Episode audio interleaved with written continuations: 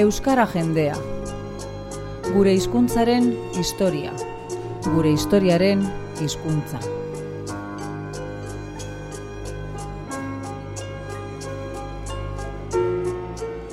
Izen bereko liburuaren egilea den Xamar ikertzaileak, Bilbo iria irratian Xavier Monasteriorekin, solasean pasarte laburretan aurkeztu eta azalduko diguna.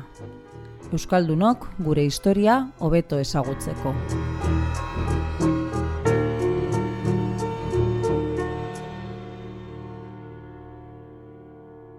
Bidaiariak Jacques Hippolyte de Giber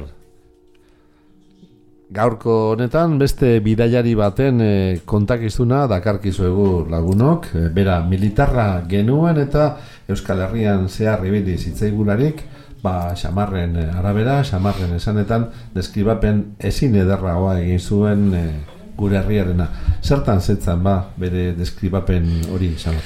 Bai, bo, bidaia egin zuen, e, lapurdin barna ibili zen militarra zen eta idazle eta bidai batzuk egin zituen.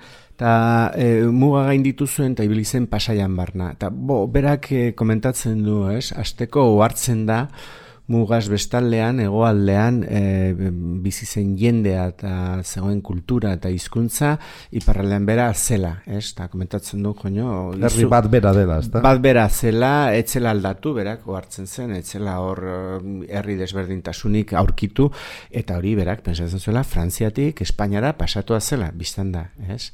Eta harrituta dago jendearekin, e, iruditzen zaio jende dotoria dela, e, bai gizonezkoa bai nola neskak ere, eta izuerri e, dotoreak eta eleganteak eta finak, ba, momentu batean e, konparatzen du ba, ba, ba, balet batekin, neskak ibiltzen dira balet bat bezala, ez?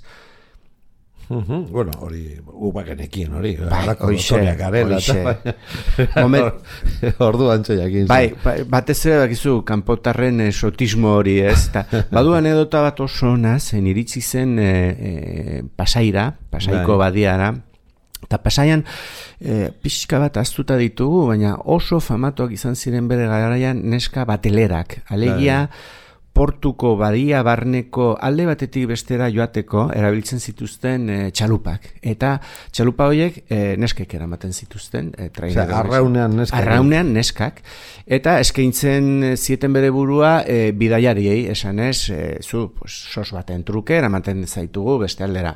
Gaur egun oraindik badian badira e, motorezko, noski, e, txalupak, baina ibiltzeko alde batetik bestera, beste lurretik kriston buelta eman behar da, ez? Eta honek e, gibertonek hipolitek e, gaizki ulertu zuen hasiera batean nesken eskaintza bagizu pentsatu mm. zuen jontxo hemen zer gertatzen da ez Bai, edo ondo egi, ez da? Bai, zu, pensatu zuen, joño, ze ausartak, ze eskaintzen didate hauek, eh? Eta gero, eh, ze espaitzuen ulertzen, eh, esaten zutena, komprenitu zuen, jontxo, eskaintzen zutena, etzela beste servizio bat, baizik eta txalupan ibiltzea alde batetik bestera. Karo, berak, euskara tutik ere etzekien, ah, ez zuen, haituko bat ere, eta... Eta bat ere etzekiten, ez frantzese, ez, ez, ere, ez. Euskararen ze testigantza utzi zigun eh, Jaki Politek? Eh, ez zuen nola itzik bildu, baina bakarrik hori ohartu zen ba, zela eta funtzionatzen zuela, eh, funtzionatzen zuen eskuntza Euskara zela, bai alde batean, bai bestean, ez?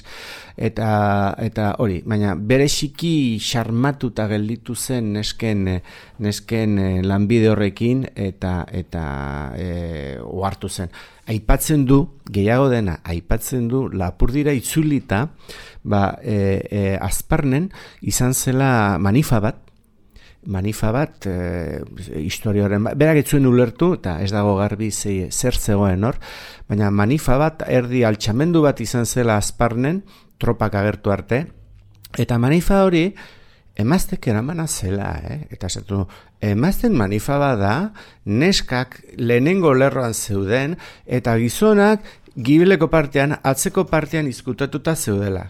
Olaxe kontatzen du. Eta momentu batean, e, esaten duena da, bueno, armada agertu orduko, desegin zela, etzela, zibilizatuki, e, desegin zela manifa hori. Baina, harrigarria da, berak e, kontatzen du, nola, nola, e, e, ala ere, e, e, espetxeratu zutela, manifaren burua, neskato bat zena, baionara eraman zutela, eta e, jujatua izan zela. Eta neska horrek buru dena ez zuen izenik eman, e, deklaratu zuela e, gu ez gaude Frantzian, e, gu gara Euskaldunak, Euskaldun gisa e, bizi nahi du eta Euskaldun gisa hil. Eta hori zen manifa horren e, burua zena, ez? Berrikitango garei batean terroristatzat arreza izaketen e, eh, Olako xe, olako xe. Eh? E, eta kontatzen du azken momentuan berak baion utzi zuelarik neska hori libre utzi zutela. Baina, testigantza bat oso bitxia da, ze pentsatzea e, mezortzigarren menden bukaeran ema, herri hontan emazteak e, buru ditugula buru ditugula eta ateratzen zirela aurre egitea tropei eta gizonak hola, hola aipatzen du berak bai. izkutatu egiten zirela emakumeen e, atzean aiz, oso bitxia da. Bai, bai, benetat.